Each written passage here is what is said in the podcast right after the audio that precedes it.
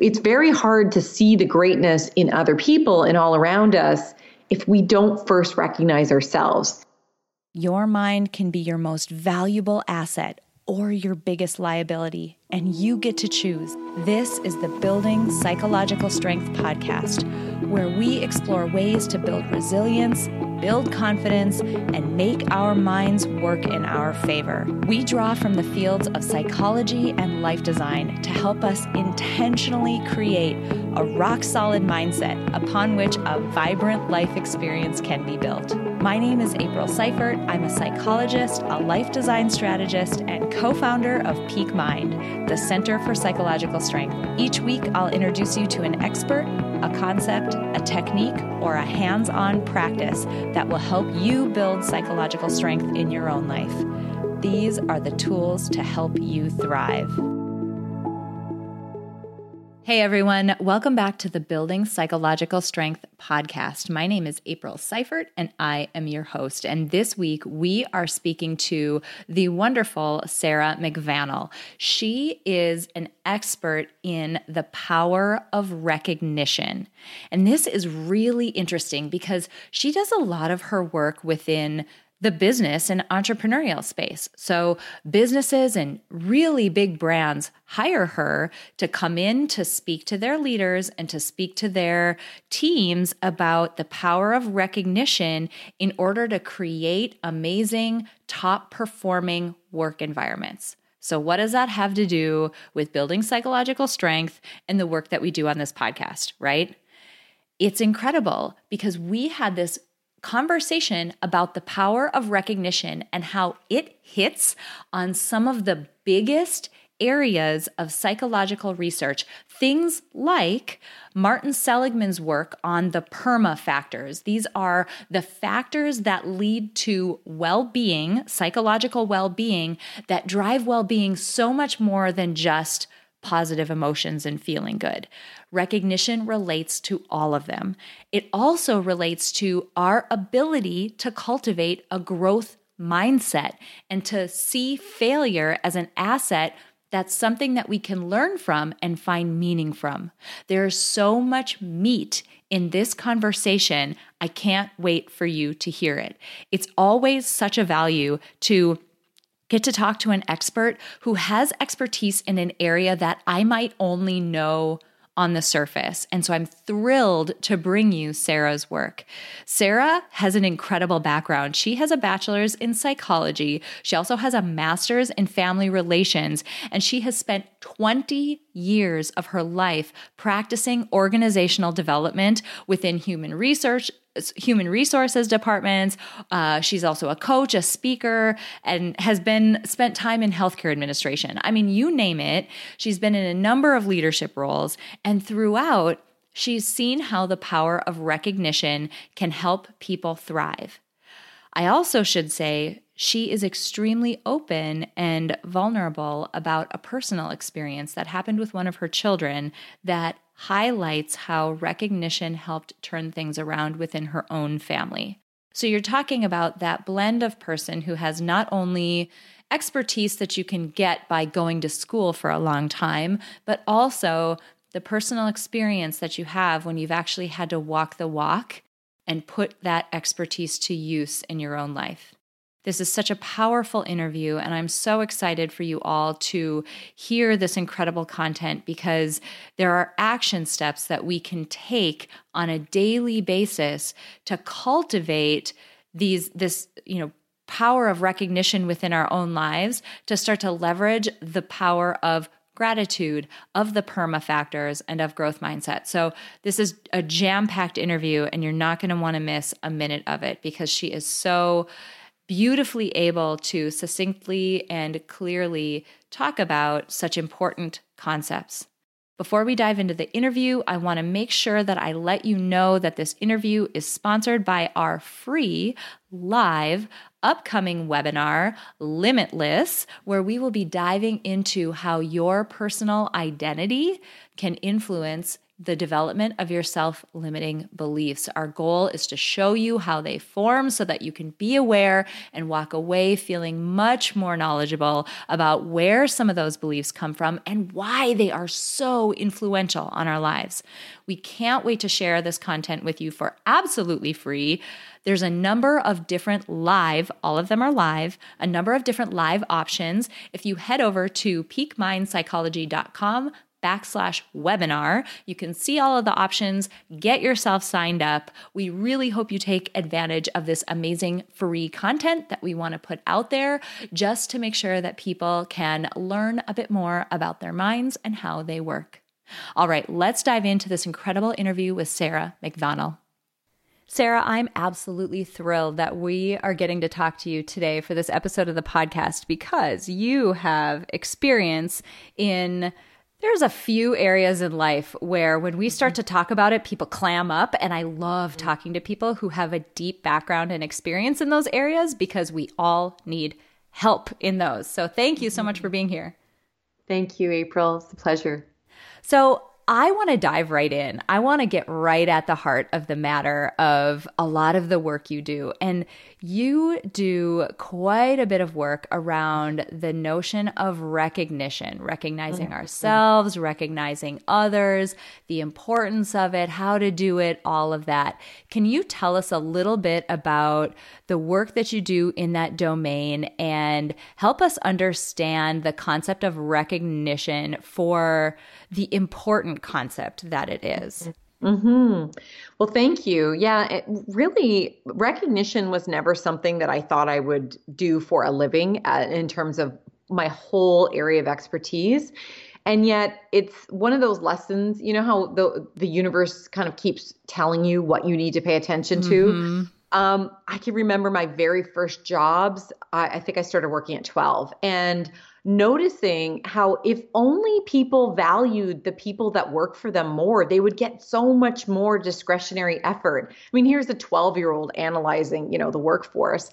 And and then, you know, fast forward and I'm in school and I noticed that the professors who could see the greatness in their students and acknowledge it would it would have students work so much harder and would push past their limits versus the ones who had these super high expectations and were hypercritical and then moving into my corporate career um, and and moving into the field of organizational development every time we go in and we work with a team that was imploding at the seams the ones where we focused on recognition to help rebuild collaboration and healthy culture and respect they would thrive compared to other teams where we try more challenging interventions like build, build trust or satisfaction with leadership or overall engagement.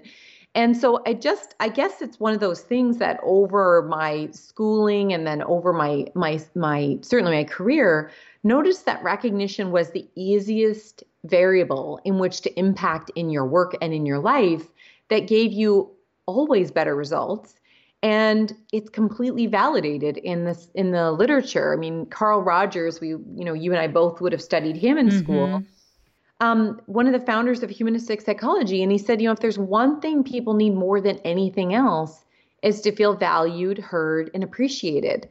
And in a in an era where many of us don't feel seen, where we talk a lot, we share a lot, we're perhaps even oversharers now.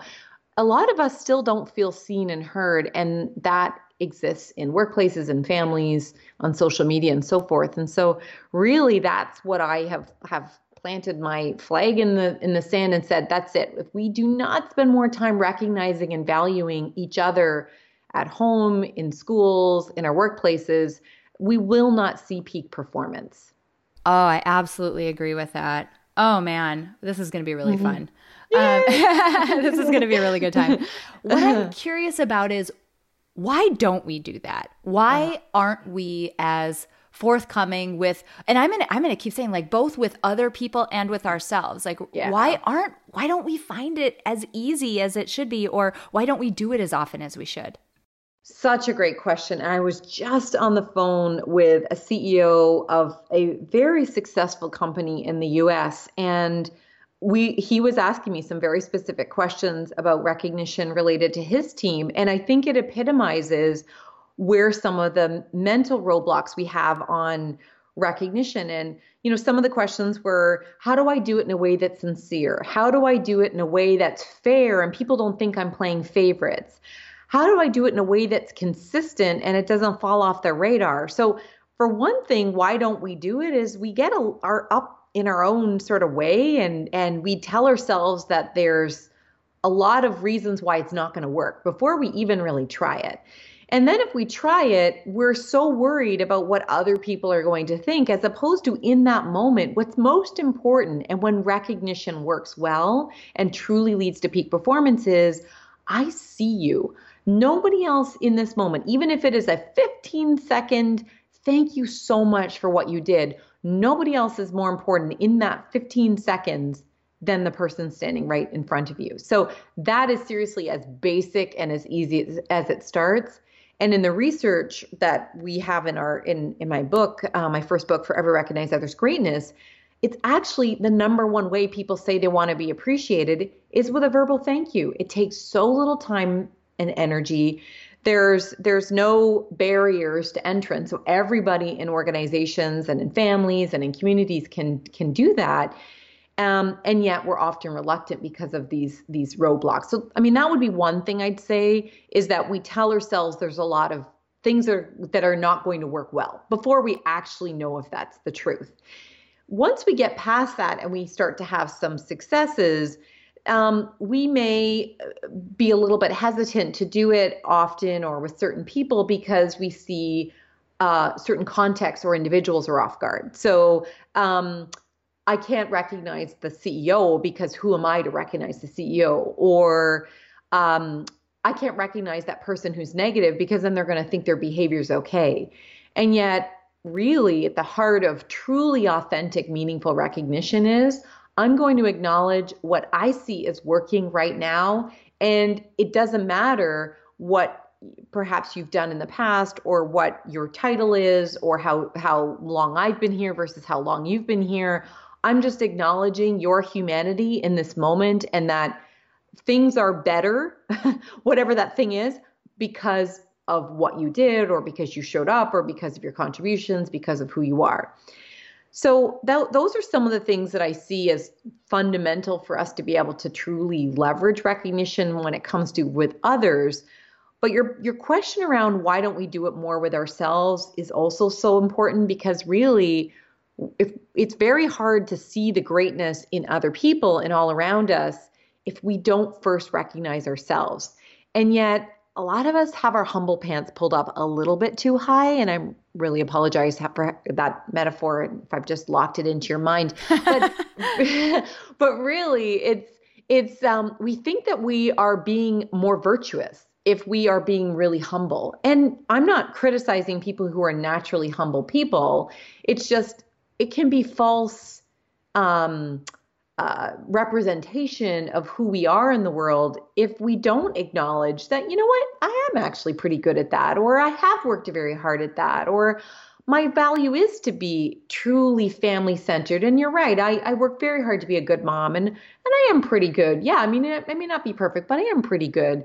So being being able to see our own greatness and then be able to accept a compliment when somebody notices our greatness because it is so obvious. People, warning, April, people can see your greatness, they can see it all the time. Mm. So at some point, you got to be ready for somebody to compliment you because that is how obvious your greatness is. Um, really, it's a matter of being willing to let it in, both when we notice things about ourselves and not let that inner voice of oh that's not very humble or oh it could be done better or or other people can can are more efficient or other people are thinner or whatever that comparati- comparitis thing that we can have going on as our mental script running what what truly is what's the truth in this moment? How are how is this good enough? And how is this better perhaps even than than it was before?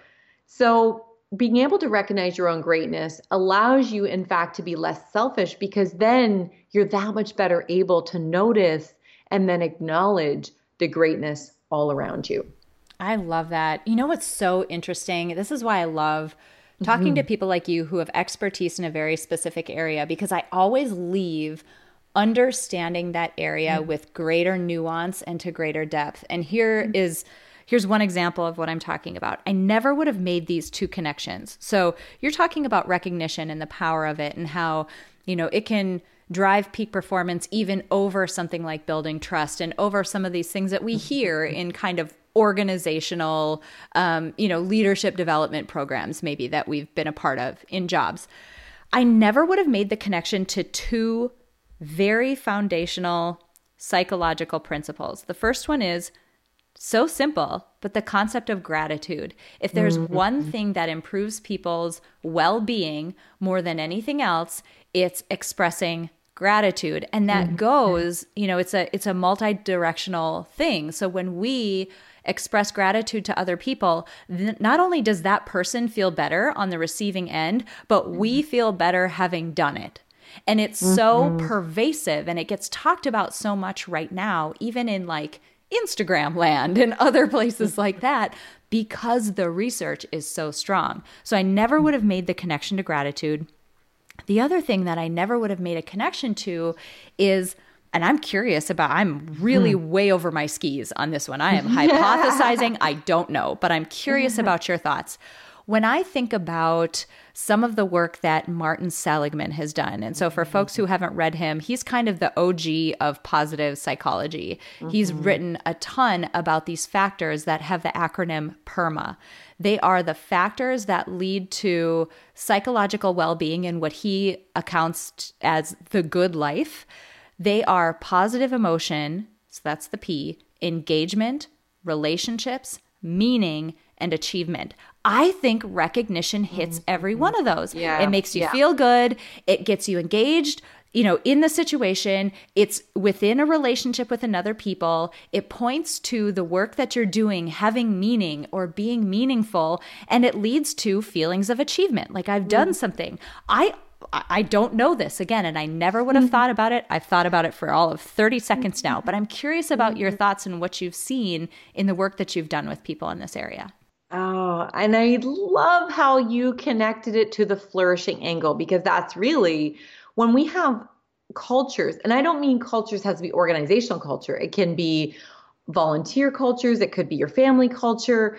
When we are focused on people being at their best and flourishing as as um, positive psychology talks about now it's that we want everybody to do better. I do better if you do better. And because i want you to do better you naturally are invested in me doing better. And so it's this this psychological theory of reciprocity that we've learned so much about as well is and and it's it's it's better on multiple levels that PERMA is on it, it's both the person giving the positive feedback and recognition, it's the person receiving it. And here's the money angle, everybody. And I don't mean like financial money angle, although we have found that organizations do better financially when they have cultures of recognition and gratitude. But it's also the power of the carious benefit as well. So mm. you create positive emotion, you create meaning, people feel a sense of achievement and belonging and greater sense of relationship when they're seeing this in their environment too.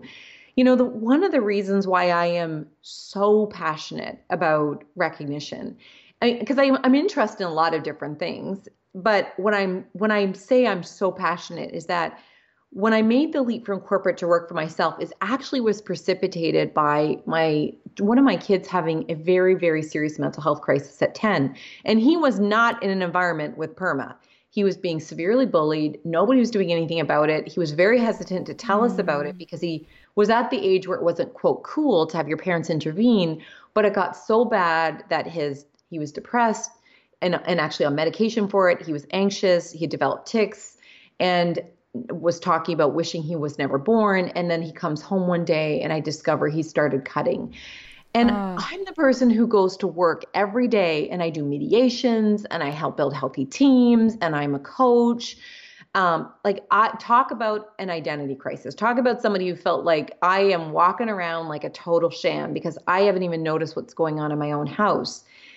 He was in an environment maybe at home where we could we could feel good about him and recognize him But then he had this juxtaposition everywhere else, with the exception we learned of only a few kids' friends' houses, where he absolutely there was no positive emotion there was he didn't feel a sense of connection and meaning he didn't have healthy relationships there was no sense of achievement there was very little engagement he was disengaging with his life as you know as a psychological barrier and and I and we just started to double down on recognition at home. I mean, that was really the only thing we had total control mm-hmm. over. And so every little thing we started to notice. It's the we call it noticing the extraordinary in the ordinary. So I'd I'd say to my husband again, the very curious experience. The kids would hear me say, "Honey, thank you so much for picking the kids up after school." Granted, he had been doing it for years and I probably never thanked him, but we have to be super intentional about it now. We're trying to heal our family, in particular our son.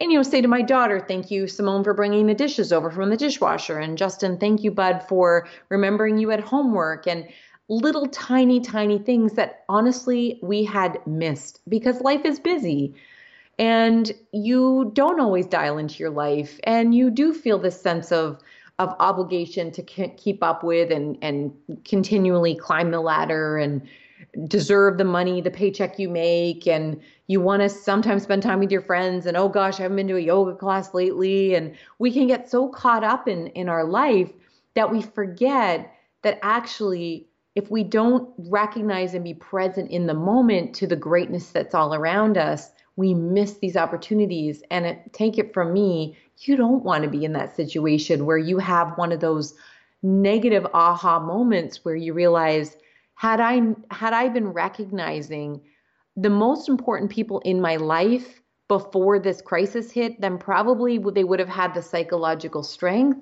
to weather it a bit more, or maybe they would have told me about it earlier so that things didn't get so bad. So mm. it became honestly, April, it became the savior for my family. And I often share a version of that story when I deliver keynotes. And I would say equal to people to asking me questions about recognition and how do I implement it and things like that is actually people sharing stories about bullying at work, bullying in, of their kids, um, mental health challenges, because so many people are going through that and we don't have the answers. We don't know what to do about it. Oh, thank you so much for being open with you know, a very personal experience that your family went through. I have mm-hmm. kids that are younger than that, but I've often thought about my daughter is now almost four, and, you know, mm. she's at the very beginnings of that where, you know, one kid might pick a different friend to play in a game mm-hmm. and she might not get chosen. And she's starting mm-hmm. to get sad about that. And I can just see the trajectory of where this is going to go and get so much more difficult and um, meaningful to her when those things happen that I, I just can't imagine how painful that would have been as a parent. That's yeah. really difficult. Um, it is, and at the same time, and that's one of the reasons why I, I can be so open about this is I have permission from all the members of my family to share it. And my son's really well now. I mean, he'll say, and this is, I think, a perfect example of what you talk about psychological strength. That this is this is an example, is he'll say, um, you know, I, I think this was the best thing that could have ever happened to me because now I will not put up with ever being bullied. I won't put up with seeing other people being bullied. I, I can see the signs that somebody is hurting and I will ask them about it because I won't let somebody else go through it alone. And honestly, at 16 years old, hormonal as you know a normal normal the way any any grade 11 student would be. But he has super healthy psychological relationships. He makes really good choices about the friends he keeps. He has a super healthy relationship with his girlfriend. Um, he and i are very open with each other. They don't they choose to be home more often than they choose to be out with their their friends. He's he's a really dedicated competitive rower. That takes that takes uh, you know some discipline to get up at 4:30 in the morning, you know, when you'd rather be sleeping as a teenager. So it's it's he's been able to rewrite the story as have I and my husband and my daughter that it actually was just we all go through tough stuff. And this his just unfortunately happened really early in his life. However, all of us experiencing the recovery from that, the the positive rebound from that. Not that life is perfect in our house by any means. It just not there is no household that does not have their own version of a crisis or challenge. I mean, when the kids were tiny, my husband was losing his parents. We went through that. There's everybody goes through their stuff. Recognition, I I'm hoping every listener hears me when I say this. Recognition is one of your easiest tools in your toolkit to get through the tough stuff, whether it be your own personal tough stuff journey, recovery healing from a trauma, um, trying to deal with rejection or or whatever that thing is, right through to difficult stuff that's happening around you. And you wish that you could protect your kids. You wish you could help your spouse who's going through that difficult merger and acquisition, who's not sure if he or she is going to have their job on the other end of it, or or you're you're you've got a natural disaster your community's trying to recover from. It's an economic downturn, whatever those things are that seeming seem like they're outside of our control one of the things we always have control over is how much we lean into recognizing what is working in the moment for ourselves and what is working in that gratitude piece you talked about, being grateful and seeing the extraordinary in the ordinary in our even in tough times. Hmm, that was powerful. And actually now I I mean maybe I'm just confirmation biasing myself, which could be the case. But I feel like there could be something to this connection with the yeah. the perma factors because again, you're using this as a tool. You're right. There are only in adverse situations the number of things that we feel like we feel like we have control over, it really reduces. There's things that the reason why adversity feels adverse is that it's heavy mm-hmm. and it feels uncontrollable and you know maybe it comes out of nowhere these things aren't we can't like wrap our hands around it but recognition we can and going back to some of Sal- Seligman's work in that book Flourish, I'll link to it in the show notes just in case anybody wants to oh. check it out. I'm talking about it more than I expected that I would. Yeah. But he talks about this notion of thriving through adversity. So, positive psych gets this um, reputation of being all about let's put our rose colored glasses on and mm. pretend that, you know, mom doesn't have cancer and that nothing bad mm. is happening and just pretend like right. we're happy all the time. And that isn't what it is. It's positive emotion is, you know, one small piece of the equation that we've already talked about. Those other factors you know, especially things like meaning and engagement and relationships, those are much more important and they mm-hmm. need to be there. And when they are, and when adversity happens, we can actually get through it and do what your son did. That's yeah. amazing. Come out the other side having, you know, this approach to life that he's thriving and he's helping other people do the same. And it wouldn't have been guaranteed to go in that direction. So it's a testament to what you did with your family and the power of, you know, really following some of the um, key foundational principles that you know you and I have both learned and you're applying in this way. Oh, thank you. Thank you. If you're like most people, your mind isn't always your biggest cheerleader. Do any of these thoughts sound familiar? People like you can't do things like that. Come on, who do you think you are? Do you really think you'll be able to keep it up, even if you do succeed at first? Our minds send us a constant stream of thoughts throughout the day, and not all of them are helpful or even true. In reality, a good chunk of those thoughts are mental habits or assumptions that formed long ago, and they don't do us any favors, especially when we're trying to go after something big. These thoughts are self limiting beliefs, and unfortunately, they're way too common. If you've ever experienced self limiting beliefs, we've got the free webinar for you.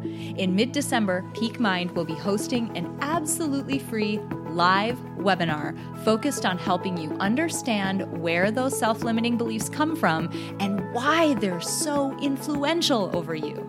We'll dig deep into the science of identity and we'll help you spot those beliefs and see them for what they are a set of unhelpful assumptions that you don't have to follow.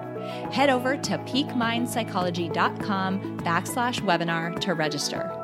Imagine what your life would feel like if you didn't have those thoughts and beliefs holding you back.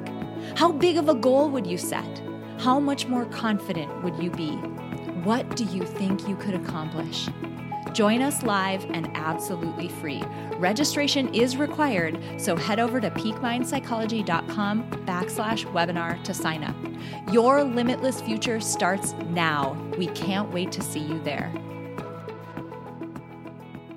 I want to turn the page just a little bit because there's another aspect where this starts to get a little hairy. And this gets into some of your more mm-hmm. recent work. You mm-hmm. know, we've all, many of us, I'm going to say all because wow, probably all of us have been in a situation where we feel like we haven't met our expectations. We haven't mm-hmm. achieved a goal that we wanted to set. Dare I say, we have failed. Mm-hmm. How does recognition play a role in a situation where failure is involved because it feels like mm-hmm. it becomes even more complex in those situations. And it's so fascinating that you asked that question because um, you're right. I, I, I did release a book recently called Flip Side of Failing, and I absolutely had no intention of ever writing a book on failure, especially having decided that what I wanted to do when I grew up was to be a recognition expert. So recognition and failure seems to have absolutely no um, connection.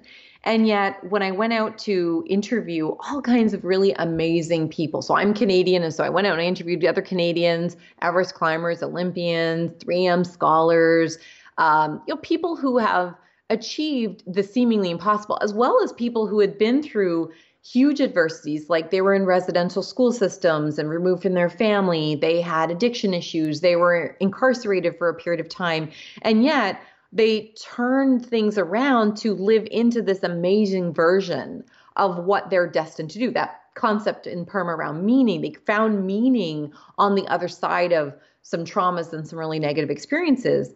The only theme that arose in every single one of those grounded interviews was how important failure was. Mm. Now, of course, just because you find something doesn't necessarily mean it fits with your mental model and you can ignore it because you know it's your research so you're allowed to do whatever you want to do so i completely ignored that and i still tried to write the book on greatness and i'll tell you i failed twice because it would be the world's most boring book on the planet so here i am recognition expert totally failed twice and i'm like okay universe fine i guess apparently i'm supposed to write the book on failure so as I reread all of those interviews and particularly the parts where, again, unsolicited, people talked about how essential failure was in a success or in overcoming the adversity that was in their life, whether they self imposed it or it was sort of put in their path. What I learned was they unconditionally recognized themselves and had context, environments around them where they could be recognized and not judged for things that didn't always work out. And then I realized, oh my gosh, this is the deeper story around failure. This is the story around how if we can recognize ourselves and others, even when there is a, a challenge and adversity, then that's even more meaningful. That mm. is even more. I mean, like for example, the failure of me trying me turning off my phone to silent and yet it's still ringing. Thank you, Apple, for that uh, technology that's clearly a tad flawed. Anyway, but the point is, you know, when when we can recognize ourselves and others unconditionally, that feels way more authentic and meaningful than sometimes what people think recognition about, which is good job, you met that milestone, or wow, you published your book. That's awesome, April. And sure, those are those are great things. It's just they're very outcome based. They're very achievement oriented and if we wait till something is fully successful before we're willing to acknowledge ourselves or others, we are missing so many opportunities between now and then to perform at our peak. And frankly, we may fall short of our peak if it is so conditional. Uh, you know, the the the Paralympians and Olympians that I interviewed for this book, they never really thought that they would medal. Now they did medal, but they they didn't set out to to perform um, and get the podium spot. And therefore, when they didn't get the podium spot the first time they went out, they weren't disappointed. In fact, they just trained harder and they developed amazing relationships the, with their with their fellow teammates and and they they their coaches were just so in admiration of what incredible teammates they were and how they cheer for the people who did medal or for the people who came close. And then the next Olympics, they that was when they medaled. When you don't set out and you have this super conditional idea about what would be highly valuable enough to be recognized, then we can actually um, we can see ourselves and others in a much more authentic, real, humanistic, and humanizing way, as opposed to it have to be, as opposed to the conditions that we often attach to recognition. Mm, that's huge. There's so much wrapped up in that. There's, you know, the concept of our value as a person not being tied to any financial or box checking accomplishment, right? Mm-hmm. Michael Phelps is not a more valuable human being than anyone else. He just yeah. swam faster on a number yeah. of occasions. Yes. Much faster. Yes. And kudos yes. to him for all the work. But he's not a more valuable human being than mm-hmm. anyone else because of those medals. Uh, and I, I think that's important. The other piece that I think is important is it's not possible. I, I did an entire episode on this. It is not mm-hmm. possible to achieve a really big goal that is a true, actual stretch of your ability without stumbling and failing mm-hmm. along the mm-hmm. way. And if you need proof of that, Google Elon Musk and some mm. of the mm. YouTube videos around him developing the SpaceX program. It's funny to sit here and watch Elon Musk blow up rockets over and over, but literally think about the mm. emotion he must have been feeling as he put millions of dollars into something that he just blew up into the ocean. Mm-hmm. I can't even imagine. Yet, we get up to give a speech or we go to propose something at work or we, you know, try something within a close relationship that doesn't go as well as we think it does and we let it cripple us. Yes. I always think about Elon Musk. I'm like, did I just blow up a multi-million dollar mm-hmm. thing? No, I yeah. didn't. This yeah. isn't that big of a deal. And even that is not that big of a deal because mm. look at him. He's fine and he's like flying spaceships to the, you know, outer space now. Yeah. So good for him. But I just think that hits on so many pieces around we need to reframe the way that we see failure and not look at it as an endpoint that somehow mm-hmm. makes us not valuable. Mm-hmm. And that that we can admire somebody for what they achieve in this area of their life, and things are not always rosy on the other side. I mean, Elon Musk, his his drive for innovation and as, mm-hmm. as just the epitome of the modern day entrepreneur he he's had a number of failed relationships and right. i'm i'm sure he's probably with a supermodel as we speak in this particular moment as we're recording this podcast so you know i'm sure he's not without a friend or two in his life. Have just but you know if that were really really important to him maybe he feels like a failure because people that he really really loved and he married one day it didn't work out. And and yet maybe it doesn't. I mean that doesn't define you as a person as well. Similarly somebody who has had the most loving long lasting relationship but they're they've had eight failed businesses in their life. They're not a failure because of those businesses. It's like why don't we take a look at what is most important to somebody and acknowledge what's working in their life? This is the solution focused approach that i i come from in the world is well what's working? There's always something that's working. And and we can if we hyper focus in one dimension of our life and we only believe that that one dimension is the most important area of peak performance what happens when things go wrong you know when we look at our um, just you know given that we're on the athlete sort of theme because and often that's that's who we talk about when we talk about peak performance look at some of the folks who are just the top of their field in their sport of choice and then they retire. What happens in their mm-hmm. life? Yeah. Often you see addictions and you see failed relationships and you feel dep- you see depression. I mean, sometimes it can happen because of the injuries they've experienced, and that's not always the case. I'm not trying to, you know, make a blanket statement there. It's but it's also though with with um, CEOs or people who define themselves through their careers. Then they they retire and they get depressed and they gain weight and they you know they feel unhappy in their relationships. Uh, you know it, it's it's we need to for us to be able to live wholeheartedly and holistically and truly live that that perma um, framework that that you so aptly pointed out. I'm so grateful to you. You're the first person who made that connection for me, so thank you for that. Um, that well-being intermingles with our relationship with failure and and that we cannot define one aspect of our life as the most important dimension to define success. And that if we in fact see that there are multiple dimensions that are important to me as a human being and i'm always in the pursuit of trying to be the the trying to have my own version of peak performance that which could be different from my mother and my colleague and my spouse and i'm and i'm trying trying to really figure out for myself what does peak performance look like at this phase of my life in this aspect of my life or my career? That is i think how we can start to really recognize our own success and be honest with ourselves when we aren't really living into our potential.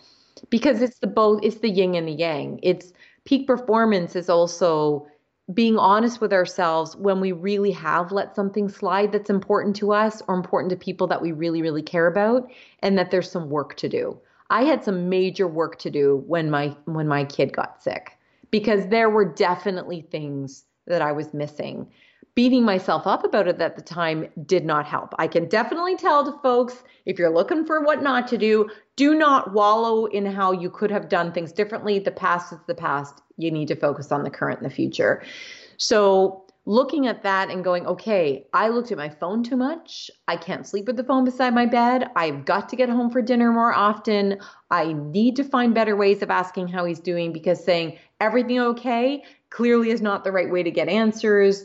I, you know, the, this is how we look at our life and our work, and we figure out, okay, what what maybe worked before isn't quite working in this situation. I refuse to define myself as a failure, but this is not working. What do I need to try? What's one thing I could try that's different? Almost always recognition can be our fallback plan. And then there's a whole host of things that I'm sure you can suggest to listeners um, in our conversation that come to mind for you around stepping into your peak performance when something's not working? I mean, what are some additional suggestions you have, April? Yeah, you know what? One thing that's coming up that I actually just made a note to make sure that we chatted about this. There's another really big body of work by Carol Dweck around mm. growth mindset, and this feels mm. like a way growth mindset's a tough one right it's hard yeah. for people because we are very um, focused on sort of grades and outcomes. Did mm-hmm. I do mm-hmm. it well or not? Am I good at it or not? And growth mindset is this notion that we can develop capabilities over time, that our, you know, personalities, that our skill sets, that, you know, very much much less about us than we think is a fixed set of mm-hmm. capabilities that we can actually develop capabilities over time and having a mindset of that means being open to continuing to try and do the hard work of developing those capabilities now i am again over my skis but i'm guessing mm-hmm. that having a culture of recognition around you both recognizing yourself others recognizing you and you doing the same in kind to them puts you in a position where growth mindset would be a bit easier to cultivate mm-hmm. if you felt like you weren't such a definitive black and white failure because you mm-hmm. didn't get there. And here's the key word yet. You're yes. not there yet. Yeah. It's such a huge word within Dweck's work. And I think you could really embody that word a lot more if you could recognize yourself along the way, mm-hmm. not just wait until the end. And if you succeed, great. Now I deserve recognition. If I don't, okay, great. I'm an abysmal human being. Like, mm-hmm. that's awful, right? Yeah. That's awful. So that is yeah. what came to mind immediately as you were describing this. I'm like, oh my gosh, I bet you could live into Dweck's work so much better if you cultivated mm. that culture around you. Yeah. Well, and and it's such a relevant point because what when when I really dug into those interviews with with people these peak performers, which ironically I put on a pedestal and then as soon as I started to look at their life and their work through the lens of failure, all of a sudden they felt like peers. And and that's the irony, right? Is that when we when we notice and we see people uh, at not perhaps at their best or not optimally, and and Dr. Dweck actually talks about near that that very concept at the beginning of her book that she has did not have a growth mindset because she thought of things in kind of black and white terms and it was work for her to and, and, the, the evidence was there and she did the work. And that's where she can really epitomize this and can be a model of how you can evolve to having a growth mindset when you when she did not necessarily have that that sort of perspective. And so so absolutely we can move to that. And and the really the key one of the key things that i think might be helpful for our listeners is this concept related to growth mindset which is a failure resilient mindset. So what does that look like? That looks like i accept failure not because it's pessimistic just simply because it's realistic. And and failure can look like tiny little disappointments and it could look like things that feel like colossal identity changing life changing um, my life my career is upside down and everything in between so we can when we accept that failure is going to happen and there's an acronym there and i'm happy to give you a link to put in the show notes um, then we then we we don't have to resist it. We there's powerful questions and all these questions came from you know learning about what works what kind of questions these peak performers ask themselves to make failure their uh, superpower as opposed to their kryptonite. And and it's that the growth mindset and a fail, having a failure resilient mindset at foundation of both of them is being really curious. Like if this and here comes back to the meaning concept in perma if the, if I have to believe for a moment, even if I don't know what it is, there has to be some meaning in here. There's no way I could lose my mom this early in my life. It's not fair. There's no way my husband could leave me. There's no way that I would lose my job when I was just last week I got the best performance review ever. When things like that happen, we don't have to feel good about it. And we can still ask, is there some kind of meaning behind this? And and this is really a concept we talk about in the speaking world, the professional speaking world is your mess is your message. Nobody wants to listen to a speaker talk about how great they are and how they have all the answers mm-hmm. for an mm-hmm. hour. We have to talk about what's not working, how we stumbled or how this this particular person was able to transform something. That's way more interesting. The hero's journey there has to be something that doesn't work how the hero bur- bumped up against something and it didn't it didn't go according to plan or they they you know they were they they had to transform or whatever. It's actually a way more human um, and interesting frankly uh, world experience because you're right every single one of us and this is this as you say the beginning of this this part of our conversation this is where the challenging part is. We have to admit that we all will experience challenges and failures. Like you're raising a beautiful 4-year-old daughter at some point she is going to like not like you and it's going to be really hard and that doesn't make you not a great mom and it doesn't make her not a great kid. It just that's going to be part of her her growing up and one day being able to launch as a brilliant woman in the world. There has to be this this push pull dimension that happens in relationships sometimes. My I, I, had terrible postpartum depression after both of my children, and I think it's become it it prepared me to have a kid who was depressed because I am so much empathy for him because I know what it feels like to not be able to sleep and to to just wonder why the heck am I even on this earth and and and I'm so empathetic with my my my clients because if they are dealing with something really difficult in their life i can empathize because i remember so painfully and deeply what that was like to feel like a failure in the most important thing going on in your life and and for it not to work out so these things are it sounds trite to say there are teachers but really that's if we choose to lean into meaning that actually is what they are mm. I love that. it's powerful, but it's also so supported by you know so many lines of research mm-hmm. within yeah. the psych the field of psychology. I'm wondering, as we're wrapping up, if you could give an action step to folks who are listening to this. How do they incorporate more recognition into their own lives? Because it's such mm-hmm. a powerful thing. We've hit on so many outcomes that it can drive. Um, I want people to be able to put this to use. Mm-hmm. Um, well, you can uh, you can take this suggestion inwards or outwards. So I guess that's the choice that that you have. Choose your own adventure as to how you wish to use this exercise. Um, but compliment every single day until it becomes a habit. Nice. So you could compliment yourself, you could journal it, you could write it on a post-it note, you could you call up your mom and tell her how awesome you are and she'll absolutely believe you. So, you know, that's a definitely good to do that. Uh, and she'll say, I know that already, you know, I'm sure. Um, or you could compliment somebody else or both, like com- make it a combination. And the research on habits is is actually showing that it often takes more than 21 days to form a habit. Um, and so just keep doing it until it just is so automatic you don't even have to think about it anymore. And and you can you you can practice this habit by vicariously experiencing it. If somebody if you witness somebody give somebody else a compliment, there you go. There's your habit formation for the day because you were still part of that complimenting school of practice. So that would be my suggestion. Compliments are are often underutilized and it gives us more comfortable receiving them and giving them, the more we make it an intention. I love that. That's so good. Before I let you go, I have to ask you for your definition of psychological strength. How do you think about it? I believe psychological strength is being able to see greatness in yourself or in your environment, even when there's no immediate evidence that it exists. That was beautiful ah, I'm like cheering over here. That was so good. That was great. so good. You Does should. You should. Luckily, we were recording this. So. Uh-huh. oh my gosh. When people want to find more about you, like find your books, find all of mm-hmm. that, how can people connect with you? Mm-hmm.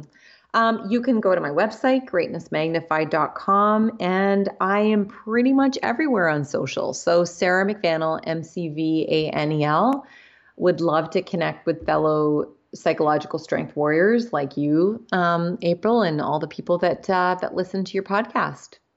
This has been so wonderful. Thank you so much. I, as I mentioned, I love talking to people who have expertise in a particular area. I'm walking away feeling really mm-hmm. just feeling driven to make this mm-hmm. more of a central part of my relationships and the you know work relationships that I, relationships that I have personal relationships. It's just so important. So I want to thank you for the work that you're doing and for sharing it with us today. Oh you're so welcome. And thank you for having me on the podcast. It's a simple fact that nearly everyone in the world could benefit from building psychological strength. But not everyone will put in the time and effort to do so, but today you did. Thank you so much for listening to this episode of Building Psychological Strength. Now, if you're interested in building the mental toughness, confidence, and resilience you need to thrive through life's ups and downs, visit us at www.peakmindpsychology.com. Also, if there's someone in your life who could benefit from this episode, please share it with them. And if you yourself found this episode valuable, meaning if you took away even one insight that you can use to build psychological strength in your own life, we would so appreciate it if you would drop us a rating and a review on iTunes. The thing is, the more ratings and reviews we have, the easier it is to get this powerful and important content out to the people who need to hear it. Remember, your mind can be your most valuable asset or your biggest liability, and you get to choose. So choose wisely, my friend. And I'll see you next time on Building Psychological Strength.